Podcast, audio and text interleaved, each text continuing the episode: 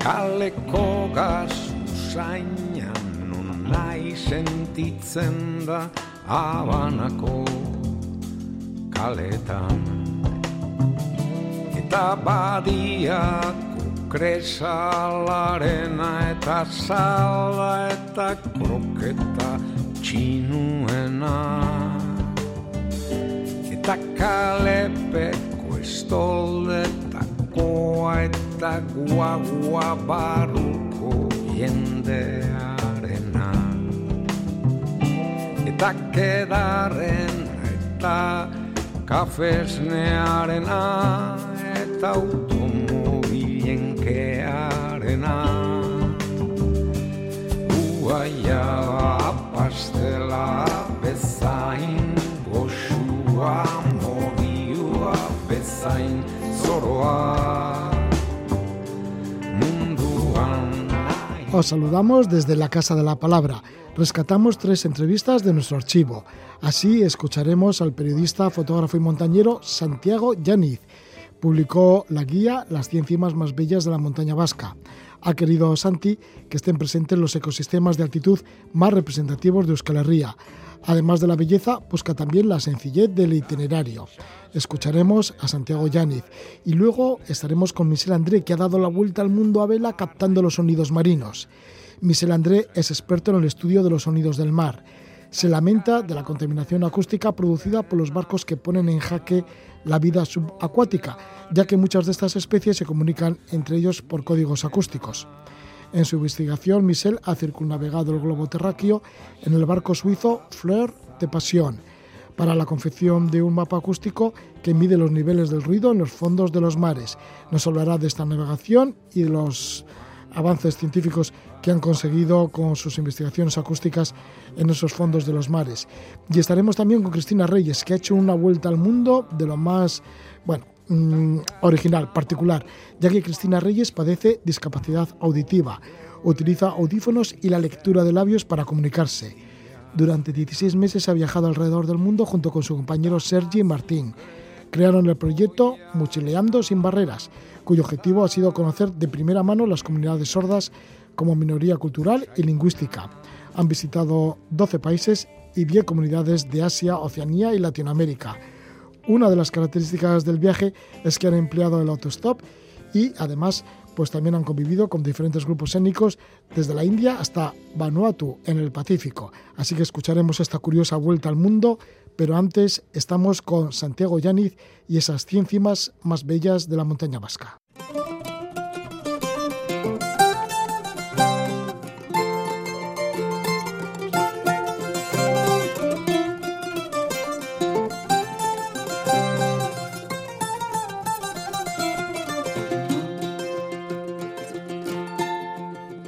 Gorosika ségueme frente co soldadú Mendian larrartean sentitu nahi salbu.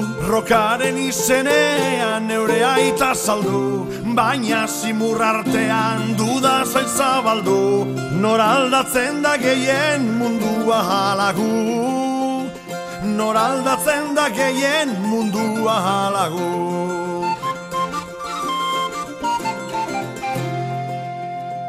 Kaina bera sorotan amaika esklabu Tani hibardineko langileko txadu Puruek zenbat ostorronak zenbat gradu Zintzur erlastu honek galdera bat badu. Nor aldatzen da gehien mundua alagu Nor aldatzen da gehien mundua alagu es la música del grupo Alboca, en donde se encuentran José Cochea, Alan Griffin, entre otros, y este es el tema Mundua Alagu, del disco Lurra Ur Eise del año 2017. Esto nos sirve para acercarnos a las montañas, a la montaña vasca. ya que vamos a hablar con Santi Yani de un libro que ha publicado con el título de Las 100 cimas más bellas de la montaña vasca, excursiones montañeras. Santiago Yani Zaramendia, que nació en Bilbao en el año 1957, fotógrafo y periodista vocacional, trabaja como freelance desde el año 1980 es autor de numerosos libros y guías relacionados con la geografía, con la naturaleza, con los paisajes, con los deportes de acción y etnografía de Euskal Herria y el norte peninsular en general. Publica en su propia editorial esta guía con el título de Las 100 cimas más bellas de la montaña vasca. Lo edita Yaniz Editor. Estamos con Santiago Yaniz, le damos la bienvenida. Gabón, buenas noches. Santi. Bien, bueno, pues ¿cuáles son los pretextos para ir a la montaña? De esto hablas también al principio, en la introducción de estas ciencias, las ciencias más bellas de la montaña. Bueno, yo, yo, fíjate, tan, tanta vida entre montañas, yo digo que para mí la montaña es como, como un alimento. Es, es, tan, tan importante como respirar.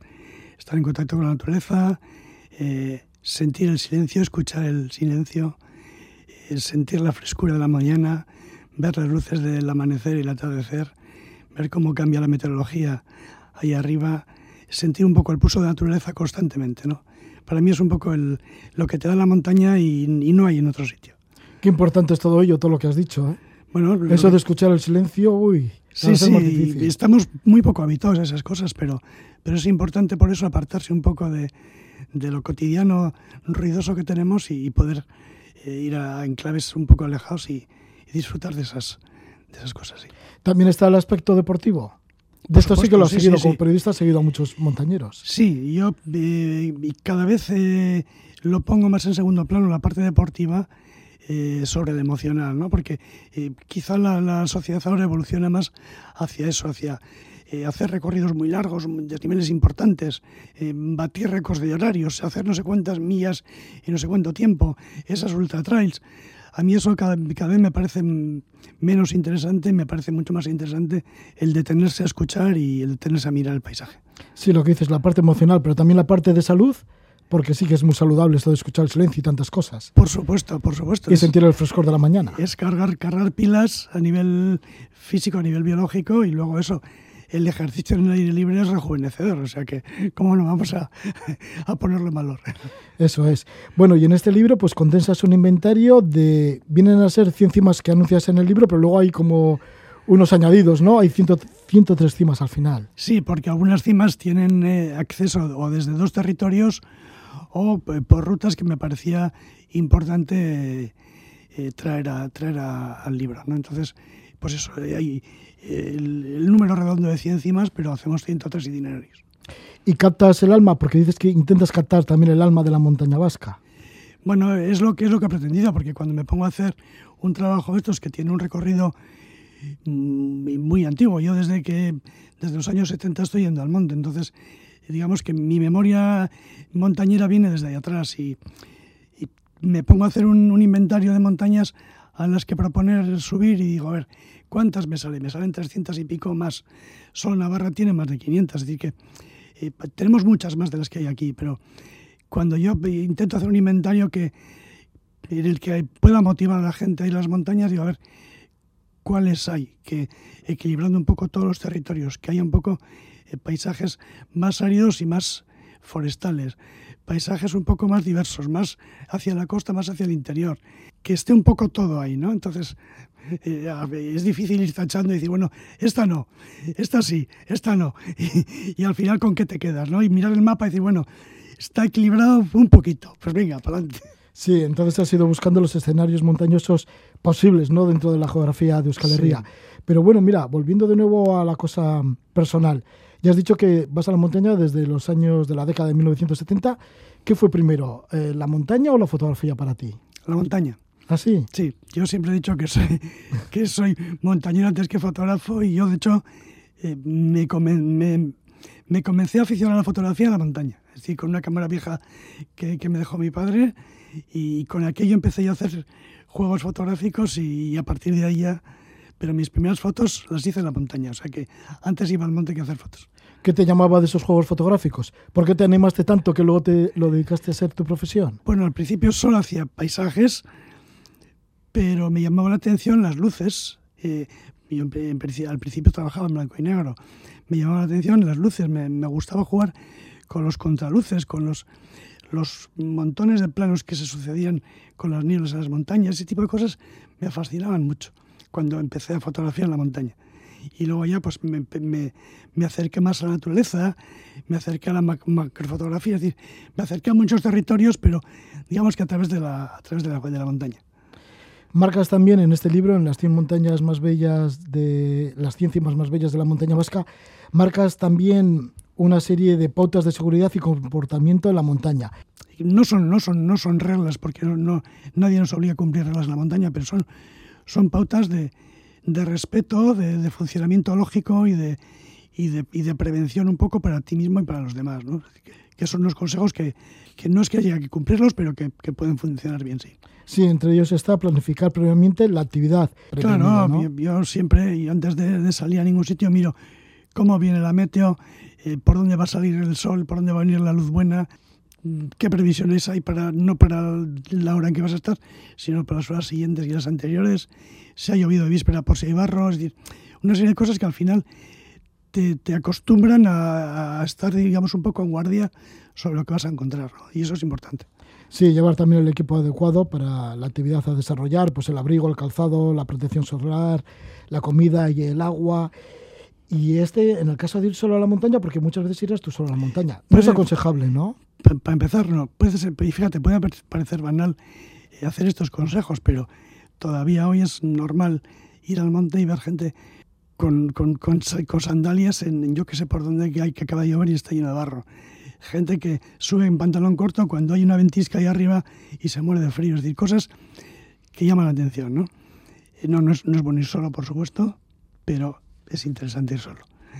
y si vas solo, ¿qué precauciones tienes que tener? Bueno, pues lo primero, dejar, dejar a alguien dicho dónde vas. Es decir, que hay que, que, nadie te esté buscando y no sepa dónde te puede buscar primero. O sea, que si, si vas a ir solo al monte, dile a alguien, oye, voy, a, voy allí, voy a volver para mediodía o para la tarde, para la noche o mañana. Por lo menos eso. Que si, si alguien te echa en falta, que sepa dónde te puede buscar. Bueno, también aconsejas aprender a orientarse, llevar el GPS, por supuesto, adecuar al monte que vas a nuestras condiciones físicas y técnicas. Y dices que la modestia es buena compañera. Sí, la, yo siempre hemos dicho los, veteranos que la, la, victoria, la mejor victoria es saber volver, ¿no? Es decir, que eh, saber dar, un paso atrás y decir, bueno, eso para mañana. La montaña está ahí, no, no, no, no nos hace falta, no necesitamos llegar en un momento dado. Entonces, bueno, eh, la humildad es importante, es saber mm, reconocer cuando estamos por encima de nuestro esfuerzo y cuando la fatiga nos va a vencer, y decir, bueno, pues para abajo y tener siempre esa precaución. Porque además te permite disfrutar más. Si es decir, a sufrir o vamos al monte. Al monte hay que ir a disfrutar. Y en el caso de accidente, pues ahí está el número de emergencia, el 112, que hay que recordarlo. Por supuesto. Y luego, importantísimo también cuidar la montaña. Bueno, yo estoy muy preocupado últimamente porque, sí, a mí me preocupa cada día más. Eh, tú vas eh, a, a, los parques nacionales emblemáticos, Sordesa, eh, y allí que van a limpiar todos los días, vas por los caminos que están aparentemente limpios, te vuelves detrás de una piedra y allí siempre hay un papel higiénico. Voy a hacer un pedazo fotón, un mural con dos mil fotos con esas porquerías que tira la gente. Es decir, nos lo podemos llevar todo a casa, pero lo dejamos allí. Entonces, eso para mí es muy importante. O sea, el respeto a la naturaleza, déjala como la querías encontrar, limpia. Es verdad, ¿eh? lo del papel higiénico allá donde te metas que dices, aquí seguro que no ha llegado nada, pues ahí está el papel higiénico. Es impresionante, eh, y es impresionante y además eso, en sitios en los que parece que va la gente con dos dedos de frente y dices, bueno, ¿y qué? Y esto no se puede evitar. Bueno, pues así es la cosa. Y bueno, hay que cuidar muchísimo la montaña pues para poderla disfrutar. Y para poderla disfrutar, bueno, pues aquí están estas montañas, estas indicaciones de Santiago Yáñez en este libro, Las 100 cimas más bellas de la montaña vasca. Y por nombrar alguna, igual una de las más emblemáticas, pues yo que sé, empezamos por el Ori. Pues el Ori, el Ori tiene... ¿En Navarra? Eh, eh, es, es, mitad, mitad. Es bueno, mitad, mitad. por Iparralde también, ¿no? Mitad, mitad Navarra y mitad Suberoa. Entonces, eh, yo aquí en el Ori propongo dos, dos ascensiones eh, una de ellas eh, más abrupta y más, pero puede ser una de las ascensiones más bonitas que tenemos en la montaña vasca, que es la que sube desde el bosque de Irati por Saspigaña, por la que va muy poca gente. La mayoría de la gente sube desde el puerto de la Raña, que también está citada en el libro. Entonces me parecía importante tener las, las dos referencias, ¿no? Para una la de todo el mundo y otra la, la de los pocos. Sí, y esto también te sucede en el Gorbella. en el cual marcas tres rutas. Claro, Gorbea, Gorbea es, eh, es limítrofe, o sea, la muga de Álava y, y Vizcaya está en Gorbea, entonces, bueno, pues me parecía muy escaso decir una, decirlo. Si yo pongo la Vizcaya, los alaveses se iban a enfadar, y si pongo la de Álava, los vizcaínos también. Y a la vez, una y la otra son dos vías rutas normales, pero hay otra, una tercera, que es la que sube desde Barazar por, por el Paso de Chores, que me parece una de las rutas más bonitas que hay en Gorbea. Entonces, ¿por qué no la voy a poner? Pues ahí está. Pues sí, marcas desde Marquina, desde Cianuri y desde Saldropo. Y luego, bueno, pues otra de las montañas simbólicas es el Izcorri, esto en Guipúzcoa. Claro, claro, el Izcorri es, es alma de Guipúzcoa, como quien dice, sí. Sí, sí, sí, bueno, y lo marcas desde San Adrián. Sí, sí, es una ruta poco frecuentada porque la, la mayor parte, yo diría que el 90% de la, de la gente que sube Izcorri sube desde Danza Zuprurumía, pero a mí esa ruta que, que sube desde San Adrián me parece fascinante porque va buscando un senderito que cruza un alledo y de repente se pone en la fachada más rocosa de Iscorri y bueno, es un itinerario fantástico. Y te pone en la cumbre así como, uff, qué bien. Bueno, además de las montañas más simbólicas, de las más bellas, también empleas en tus recorridos y en la parte técnica que sean itinerarios sencillos.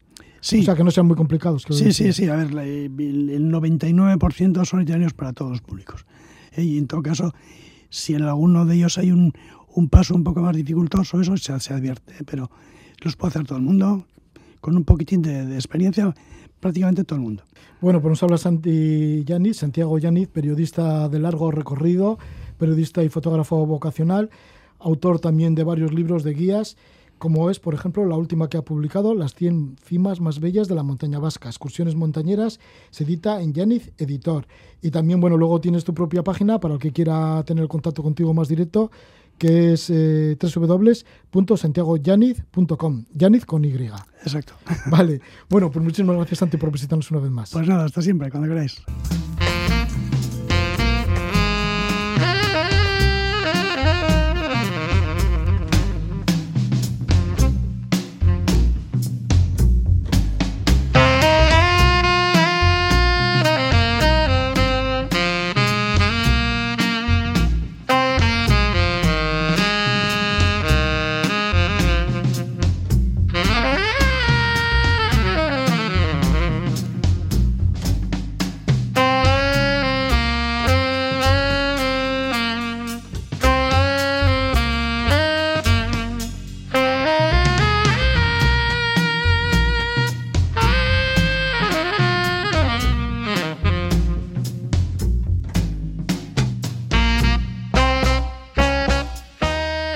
Música de Dave McMurray.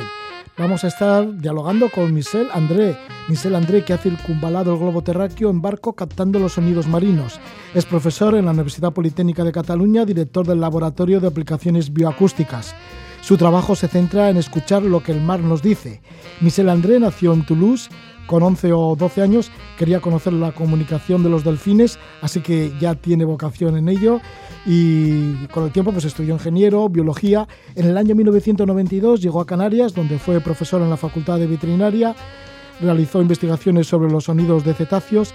En 2003 se instaló en Barcelona. Sus investigaciones le han llevado a navegar por todos los océanos y, se ha, y ha ido implantando sensores acústicos en el Ártico, en la Antártida y también en el Amazonas.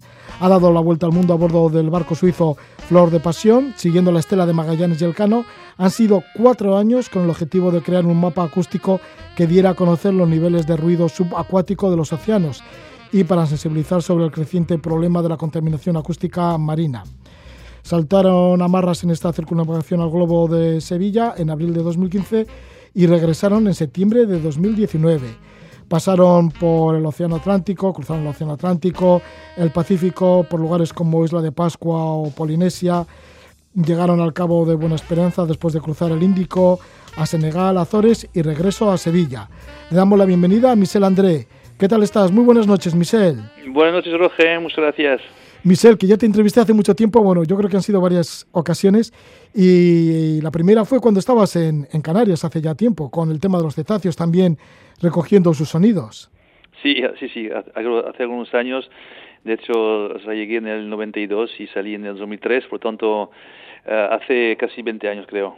Sí, ¿y por qué ese interés? ¿Por qué esa también importancia de captar el sonido de las profundidades marinas?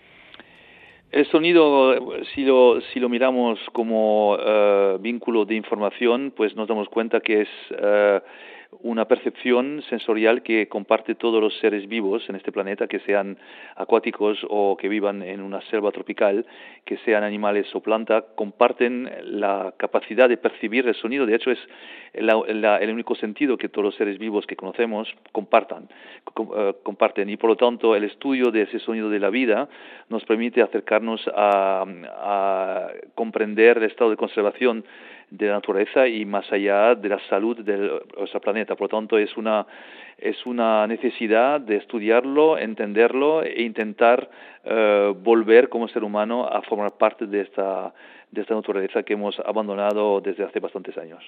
¿Cuál es el lenguaje del mar? Porque sí que se comunican muchos cetáceos. ¿Tiene su propio idioma? ¿Hay un sonido muy característico de los fondos marinos?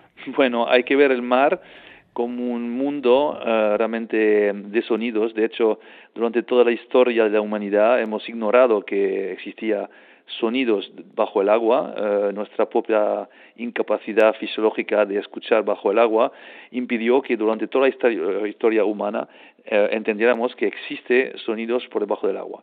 Y es desde hace apenas algunos años, 30 años, que tenemos la tecnología adaptada para escuchar y oír por debajo de, del agua y ahí es cuando descubrimos este mundo completamente desconocido para nosotros porque era una dimensión que nuestros uh, sentidos que conocemos no nos permitía alcanzar y uh, fue un descubrimiento de este, este, mundo con una biodiversidad acústica tremenda, una de las mayores que hay uh, sobre la Tierra. Y al mismo tiempo de descubrir esta, esta maravilla de, de códigos acústicos que desconocemos, esos códigos realmente no sabemos cómo tratarlos para entender cómo se dirige, por tanto yo no diría que es un solo sonido o un idioma, porque el idioma es la palabra o la denominación que se reserva para los seres humanos, eh, este lenguaje, sino este sistema complejo de comunicación que, por lo menos, yo estoy convencido que comparten todos los seres vivos uh, del mar y del planeta uh, en general, que permite asesorar de este estado de salud de ellos mismos, son capaces de saber en qué estado se encuentra esta naturaleza. Y por lo tanto estudiar estos componentes acústicos bajo el agua es lo que nos permite empezar a entender un poco lo que necesita la naturaleza para sobrevivir. ¿Cuáles son los mayores contaminadores acústicos de los océanos? Eso es muy, es muy sencillo, somos nosotros, porque a través de todas nuestras actividades humanas, que sea el transporte marítimo, la búsqueda de petróleo, la construcción de parques eólicos, la construcción de puertos, uh, el transporte evidentemente marítimo, las maniobras militares, todas estas actividades introducen ruido uh, que, que se propaga además de una manera tremenda, porque en el mar las propiedades físicas del agua permite que los sonidos se uh, propaguen muchísimo más lejos que en el aire.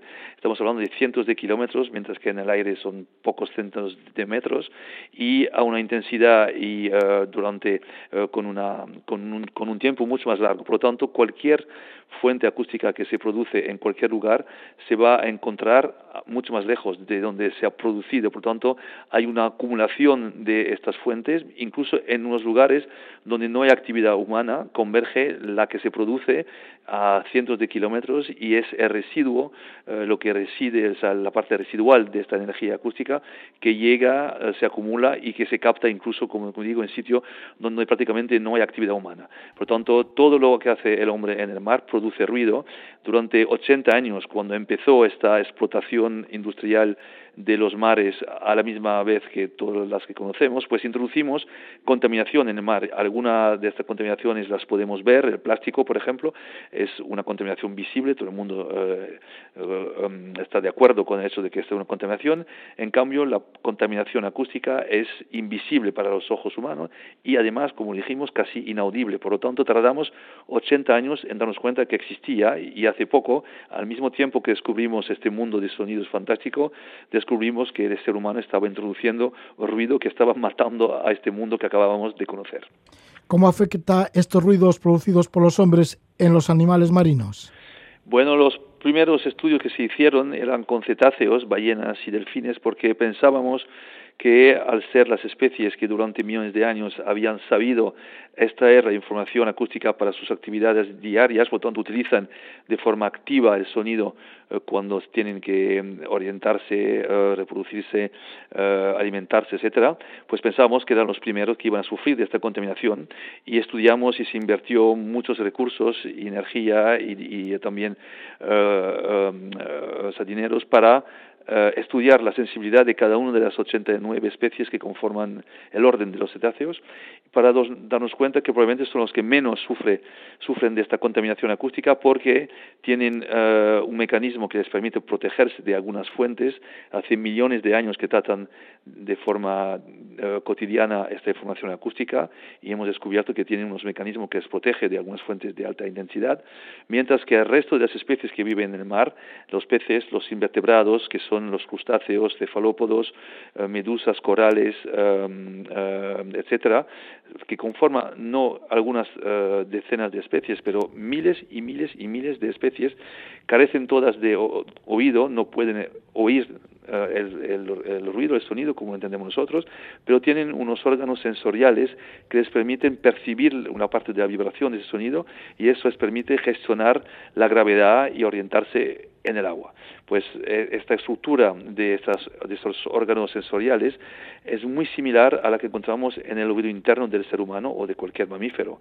Y cuando se exponen eh, estas especies, estos individuos, a fuentes producidas por actividades humanas, nos encontramos con unos traumas acústicos idénticos a los que encontramos a nuestros oídos internos o de cualquier mamífero cuando está expuesto a fuentes de muy alta intensidad. Y descubrimos que en realidad eran mucho más eh, sensibles a la contaminación acústica que los cetáceos y que por lo tanto, además de esta sensibilidad, a diferencia de los cetáceos que en dos eh, eh, movimientos de su aleta caudal se pueden alejar de forma rápida de una región contaminada, pues los invertebrados tienen una vida mucho más sedentaria, una vida que, hace que no se puede mover rápidamente y la dosis acústica de sonido artificiales que reciben es mucho mayor que la de los cetáceos, por lo tanto se han convertido realmente en las víctimas de primera línea de esta contaminación. ¿Se pueden desorientar estos animales con esta contaminación acústica? Bueno, no solamente se desorientan, sino que los órganos responsables de su orientación están destrozados, por lo tanto ya no se orientan, no, no pueden eh, buscar su comida, por lo tanto alimentarse, no pueden eh, reproducirse y mueren al cabo de algunos días. ¿Cuál ha sido el motivo de esa vuelta al mundo que habéis realizado en barco, en este barco suizo, el Flor de Pasión? Bueno, el inicio era simbólico, seguir los pasos de Magallanes, que como sabemos fue el primero a dar eh, la vuelta al mundo. Bueno, él no consiguió llegar, pero su expedición. Eh, él iba en búsqueda de la isla de las especias. En este momento, hace 500 años, era el bien más preciado de la, de la tierra.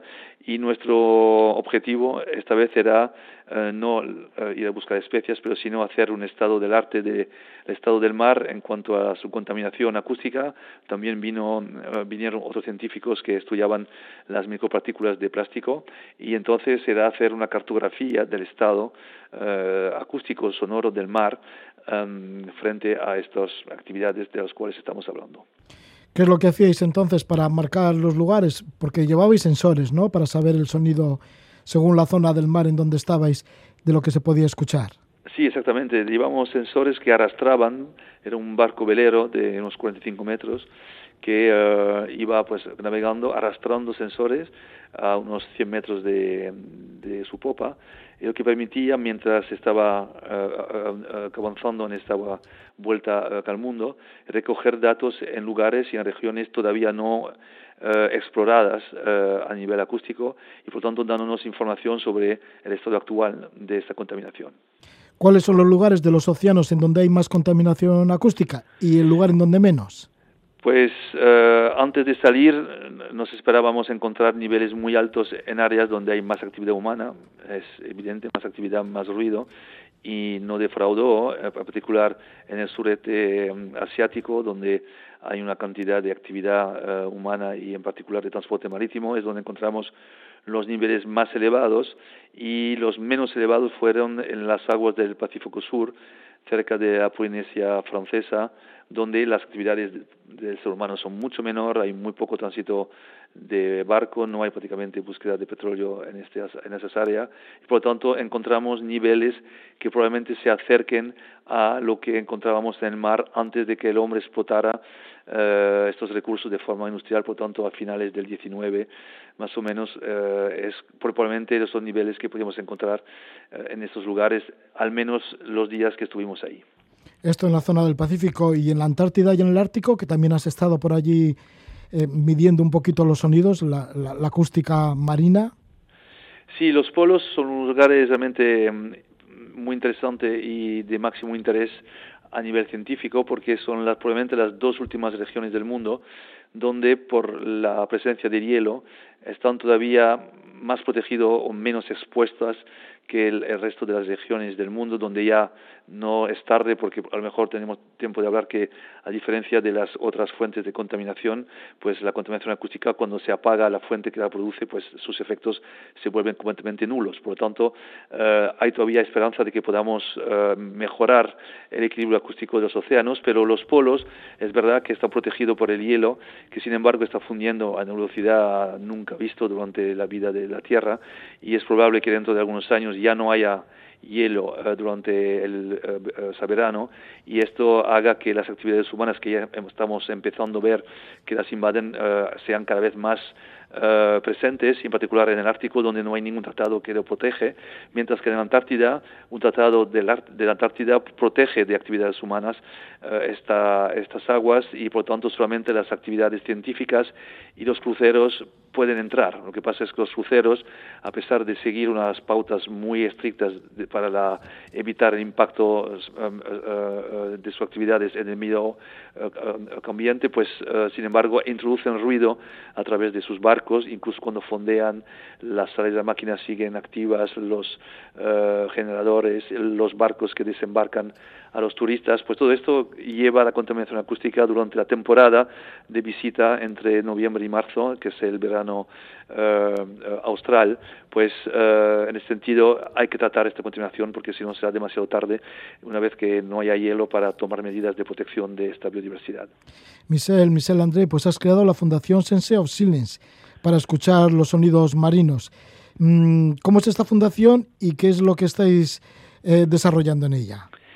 Pues sí, eh, esta fundación se crea en el 2014 y uh, viene porque el, laboratorio en el cual trabajamos desde hace más de 20 años, uh, que es un laboratorio de la Politécnica de Cataluña, tiene acceso a través de convocatorias públicas a fondos de investigación y si uno tiene suerte de ganar el concurso, pues puede tener un contrato con algunas, algunos proyectos que la Comisión Europea plantea.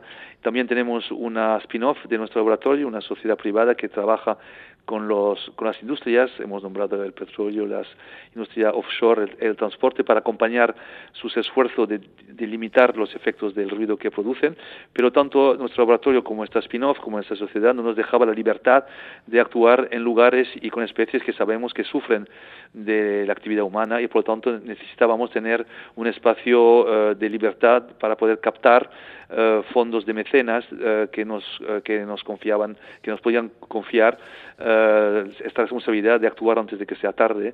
Y a través de esta fundación The Sense of Silence podemos actuar en el Amazonas en los polos en África donde hay santuarios de grandes primates que están sufriendo de la deforestación en la India donde hay elefantes que mueren por colisiones con trenes. En fin, en todos esos lugares que de momento no están en el objetivo de los eh, gobiernos ni de las industrias y que sin embargo si no se actúa de forma rápida pues van a desaparecer uh, del, del planeta. Por lo tanto es gracias a esta fundación que podemos actuar de forma rápida. La Fundación Sense of Silence la fundación que podía ser traducido el sentido del silencio, nos está hablando de ello Michel André. Michel André, que entre otras pues, ha dado la vuelta al mundo captando los sonidos marinos, ya que él es profesor de la Universidad Politécnica de Cataluña, director del Laboratorio de Aplicaciones Bioacústicas. Su trabajo pues, se centra en escuchar los sonidos del mar, el lenguaje del mar. Muchísimas gracias por estar con nosotros, Michel André. Roge, uh, gracias, un uh, pues enorme también es placer uh, y, por este programa y que nos permitas pasar este mensaje y espero que no pasen 20 años antes de que volvamos a encontrarnos. Esperemos que no. Igualmente, un abrazo, Michel André. Adiós, gracias.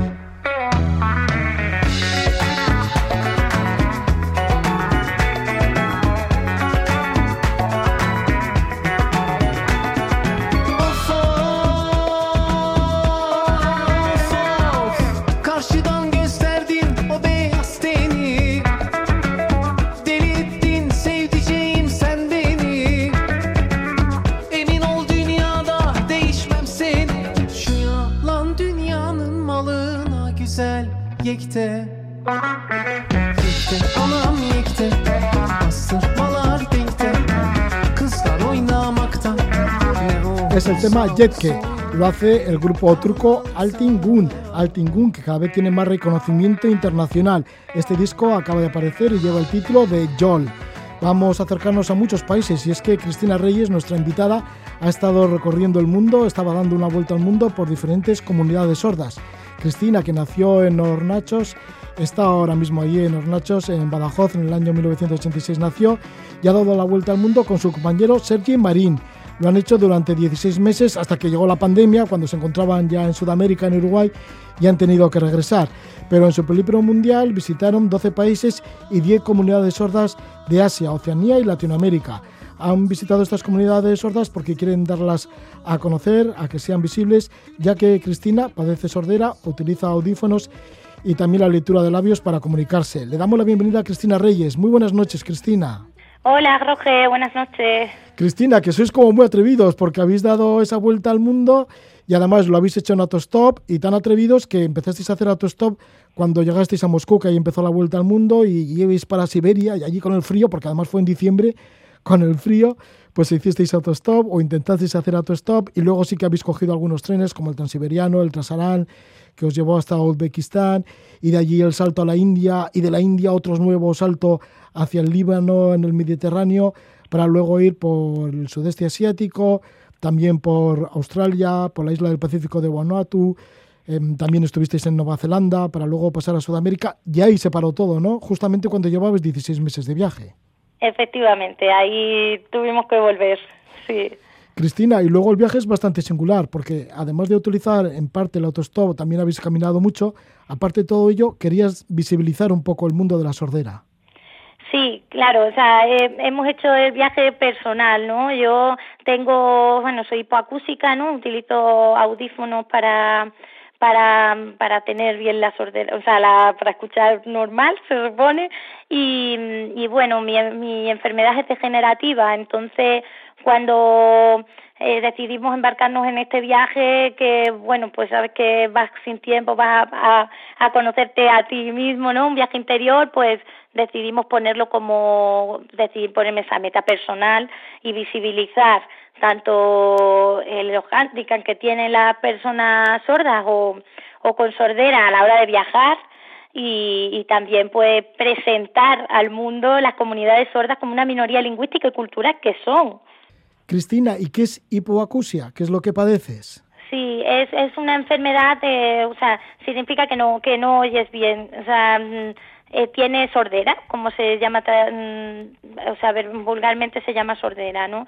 Y claro, pues eso, hay de mucho grado y puedes tener sordera leve, eh, moderada o severa. En mi caso es moderada, pero como es un, tengo enfermedad degenerativa, pues se me va juntando. Yo la tengo bilateral en, ambos oídos y mixta, porque empecé con el oído medio dañado y ahora, bueno, pues también está afectando el oído interno. ¿Qué le vamos a hacer? Cristina, bueno, pues sí que esta vez pues has hecho ese viaje mochileando sin barreras junto con Sergi y habéis andado, pues eso, dando la vuelta al mundo durante 16 meses, pero anteriormente también habías hecho un montón de viajes a diferentes partes del mundo. Mm, ¿Hay una serie de handicaps para el sordo al moverse por el mundo, Cristina? Sí, mira, yo he viajado mucho sola y ahí lo notas todavía más. Eh, el audismo, el audismo es la discriminación a las personas sordas, ¿vale? Esta terminología y se utiliza así. Y, y bueno, eh, solo hay que pensar eh, muchos aeropuertos en los que me he encontrado que he perdido vuelo porque no anuncian los cambios de salida en pantalla o simplemente que no hay ni pantalla, porque es que hay aeropuertos minúsculos, eh, yo cuando, bueno, no es que no hay ni pantalla visible. Luego en muchos hoteles también, Roque, por ejemplo, eh, no nos paramos a pensar porque como no es algo normalmente que te pase normalmente, pero yo muchas veces tengo que llevar una alarma con luz o con vibración porque ya no es para despertarme, pero la alarma de incendios, por ejemplo, ¿sabe? Y, y a mí no me ha pasado, pero tengo amigos eh, también pues con muy poco recto auditivo que, que pidieron en recepción que los llamaran para una excursión, me parece que fue en Camboya, si no recuerdo mal, y para llamarlo, pues lo llamaban con el teléfono y luego le metieron un papel debajo de la puerta. Quiero decir que mmm, tenemos que preparar el mundo para, para todos los viajeros, ¿no? Y esa es un poco la visibilización que, que, queríamos hacer con el viaje. Ya, ¿y qué te han dicho tus otros compañeros sordos que has conocido en diferentes comunidades? Por pues, el mundo. Eh, claro, lo que íbamos preguntando en qué, cuáles eran las realidades de estas comunidades sordas en diferentes países. Hay que tener en cuenta que la comunidad sorda en cada país tiene su propia lengua y tiene sus propias culturas fuera dentro del país, sus propias costumbres y su propia cultura, la cultura sorda, ¿no? Su propio arte, o sea, es un mundo dentro de otro mundo. Y claro, por ejemplo, en India, en India los sordos eh, las personas sordas no pueden ni siquiera heredar el, el patrimonio de su, de su familia, no tienen derecho a abrir una cuenta bancaria en, pues en una entidad, en un banco. Eh, claro, tú ves estas cosas y dices, bueno, tenemos que tener en cuenta que la comunidad sorda ha sido reprimida y la lengua de signos ha sido prohibida durante mucho tiempo. O sea, no, no viene de ahora. Mismamente en este país, en la dictadura franquista, a los niños en las escuelas les ataban las manos para que no para que no y claro estas cosas vistas en el mundo eh, pues eso es lo que estoy lo estoy intentando recopilar no todavía me queda un poco porque pero por ejemplo fuimos a, mm, a toda la antigua Unión Soviética no y la historia pues va de la mano con la historia de con la historia del país no en la Unión Soviética con la con la con la revolución industrial y el mundo obrero se le dio un papel al sordo verdaderamente porque para trabajar en las fábricas no necesitaban eh, para ser gran buen soviético la, pues, por suerte la sordera no no era impedimento y, y, y montaron unas brigadas que fue al final lo que hoy en día es la comunidad sorda rusa que perdura y ya no solo en Rusia, sino en todos los países de Asia Central.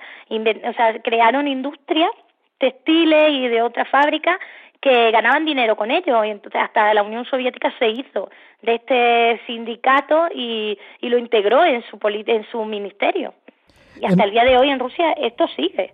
Sí, sí, bueno, estuvisteis ahí recorriendo con el Transiberiano y, y en parte también queréis hacer autostop allí en Siberia y además en invierno, porque empezasteis la vuelta al mundo en Moscú y en diciembre. Sí, lo hicimos, lo hicimos, pero hasta que nos dejaban las carreteras porque se cortaban por heladas. Ten en cuenta que llegamos a estar a, la, a menos 32.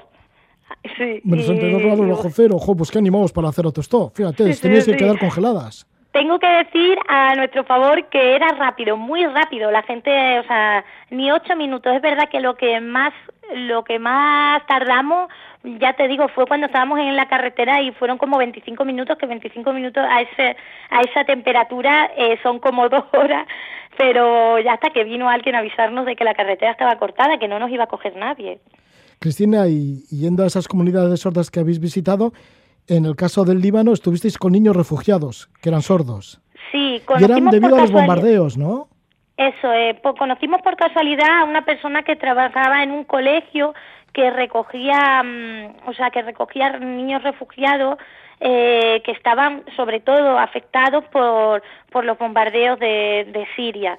No todos, algunos, y los que ya venían con alguna agravante o algún tipo de sordera, sea, mm, o sea ahí se le había grabado un montón. Y, y, claro, pues estaban ahí ayudándole al desarrollo y muchos padres también, ¿eh? Lo que pasa es que ese colegio pues solo estaba eh, con niños. Y también, mira, hablando de, de guerras y, y, de sorderas y así, también en Tailandia estuvisteis en una comunidad de, de huérfanos, ¿no? Un orfanato en Tailandia que sí. tenía relación también con la guerra de Vietnam, o con soldados que iban a la guerra de Vietnam. Eso es, sí. Este, este orfanato se, se fundó en Tailandia cuando los soldados de, estadounidenses que estaban en Vietnam iban a Tailandia como a descansar, como a paraíso, ¿no? Y, y dejaron embarazadas a un montón de, de tailandesas eh, y luego las abandonaban y las abandonaban y estos niños estaban eh, los niños y que muchos nacían... de ellos y no se sabe por qué muchos de ellos nacían con, con dificultades auditivas o sordos y este orfanato se dedicó a recoger a estos niños no siempre eran sordos pero como había muchísimos muchísimos que tenían esta esta enfermedad pues el colegio al día de hoy, o sea, el orfanato al día de hoy, solo, es, solo recoge a niños sordos y es una escuela para ellos. ¿Qué otras comunidades habéis conocido de sordos que digas, bueno, esto es un buen ejemplo? Sí, pues mira, eh, también la comunidad sorda maorí en Nueva Zelanda. Y, o sea, porque eh, tenemos que tener en cuenta eso. Por ejemplo, la, la lengua de signo oficial de Nueva Zelanda es la inglesa, ¿no? Pero, pero hay otra lengua, la lengua de signos maorí, que, que, estuvimos en un ritual con ellos, en una convivencia con ellos, y ellos utilizan, bueno, pues los bailes estos, los jacas, ¿no? Pues que son los sonidos estos que utilizan también en, en algún equipo de, de por ahí de Australia. Sí. Pues que, que son cantando y pues ellos lo hacen a través de vibraciones, a través de signos y bueno, es espectacular cómo se adapta, ¿no? Además de estas comunidades sordas con las que habéis convivido y habéis preguntado y relacionado con ellos, y bueno, y estáis en ello sacando conclusiones, también habéis estado en diferentes fiestas, porque estuvisteis en una fiesta del Pitacón, que se encuentra en Tailandia y además es una fiesta milenaria animista, y entre otras también estuvisteis en Río de Janeiro en los carnavales en Brasil.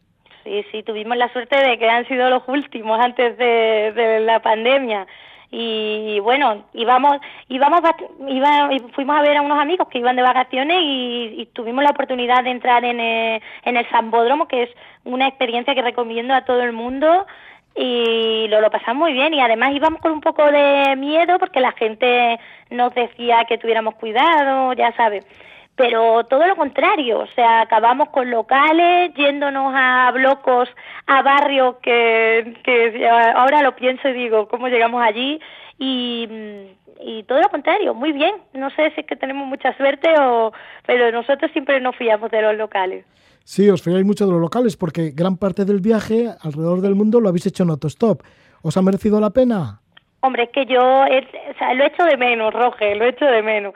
En el autostop te pasa cada historia y además ves el ves el país desde dentro, no la hospitalidad de la gente, o sea, nos hemos encontrado con un montón de situaciones, ¿no? De, pues ya te digo, de, de camioneros que están en Ramadán y se paran y hasta que no comes, es que ya que ni no lo quieres porque te da puro, pues hasta que no comes y ellos mirando porque no pueden, no te dejan, eh, gente que se ha desviado de su camino hasta en una hora para llevarnos a, para acercarnos a, más cerca al sitio donde íbamos, gente que no te deja ir de, o sea, te montas en el coche, te llevan a su casa, te dan de comer, te dan una cama y al día siguiente te vuelven a dejar la carretera.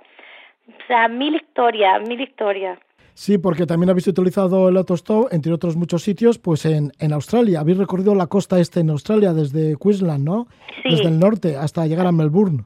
Sí, sí, y bueno, y ahí, bueno, eh, ya, ya te digo que ahí es donde no nos esperábamos esta, esta eh, hospitalidad australiana y, y nos sorprendió gratamente. Yo me acuerdo que le decimos, tenemos unos padres australianos, porque eran como de la edad así de nuestros padres, que iban en su caravana a su casa, habían estado pues eso, unos días de vacaciones con su caravana, y iban a su casa, que era un, una casa de revistas, y allí nos montaron en su caravana, nos llevaron a su casa, estuvimos comiendo con sus amigos, Bueno, tú imagínate, Roger, una, una pareja de unos 55 años así, que llegamos con, a una cena con, su, con sus amigos, que eran todos matrimonios, y nosotros dos con unas pintas que, que llevábamos en la mochila. Y claro, la gente decía, y estos dos, nada, los he recogido por la carretera. Claro, que se, se, se meaban de la risa. Sí, bueno, pues habéis vivido muchas realidades, os habéis metido en muchas familias. Y luego también el intercambio, porque en alguna ocasión, por ejemplo, en el caso de Nueva Zelanda, sí que estuvisteis cuidando una casa, pues a cambio de eso, de, vivir en esa casa, ¿no? Claro, vivíamos en esa casa, regábamos el césped, cuidábamos el perrito, la gatita y, unos patos que había que echarle de comer y recogíamos los huevos. Y, y claro, a cambio de alojamiento, los dueños estaban de vacaciones en Corea del Sur. Y cuando llegaron, pues muy bien, los conocimos nada más al, al llegar, porque al irse, o sea, al llegar nosotros a la casa, eh, la puerta estaba abierta y ya se habían ido ellos de vacaciones. Lo conocimos cuando, cuando volvieron. Sí, estas son algunas de estas experiencias que nos está contando Cristina Reyes. Cristina Reyes, que junto con Sergi Marín, pues han dado la vuelta al mundo, o estaban dando la vuelta al mundo por comunidades sordas, porque a vuestro proyecto lo habéis llamado Proyecto Sordomundo. Sí. Y además, bueno, también tenéis el blog Mucheleando sin barreras. Eso es. Y el proyecto Sordomundo, pues es ese, no dar visibilidad a los sordos, a las diferentes comunidades que hay en el mundo. Eso es.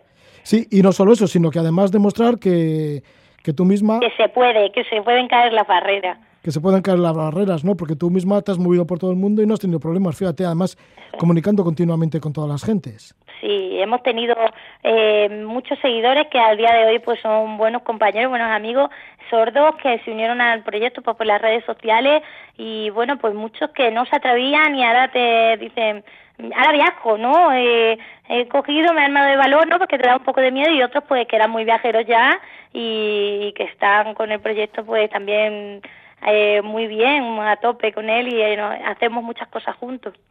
Pues muchas gracias por estar con nosotros, Cristina Reyes, por compartir esta noche aquí en este programa y que vaya todo bien por Hornachos, en donde te encuentras, en tu pueblo natal, en Badajoz. Sí, muchas gracias a vosotros por llamarnos. Vale, y recordemos ¿no? que tenéis el blog que es Mucheleando sin barreras. Eso es. Ahí hay más información. Gracias por todo, Cristina. A ti, hasta luego.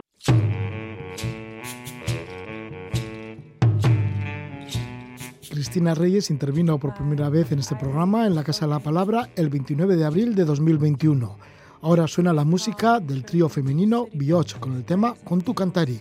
Que disfrutéis. Con tu cantari, con tu cantari.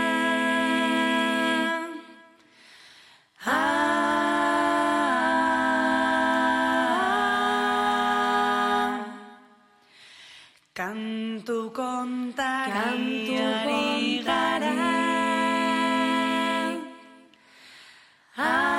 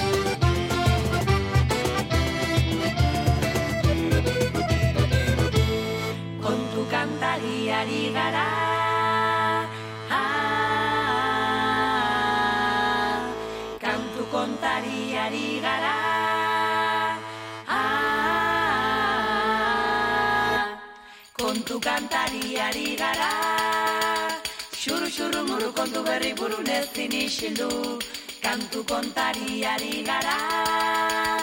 Gauaren erdian heldu da berria festa da herrian. Kontu kantariari gara. Xuru xuru muru kontu berri burun ezin isildu. Kantu kontariari gara. Gauaren erdian heldu da berria festa da herrian. Gauaren erdian heldu da berria festa da herrian. Gauaren erdian heldu da berria festada. Eh.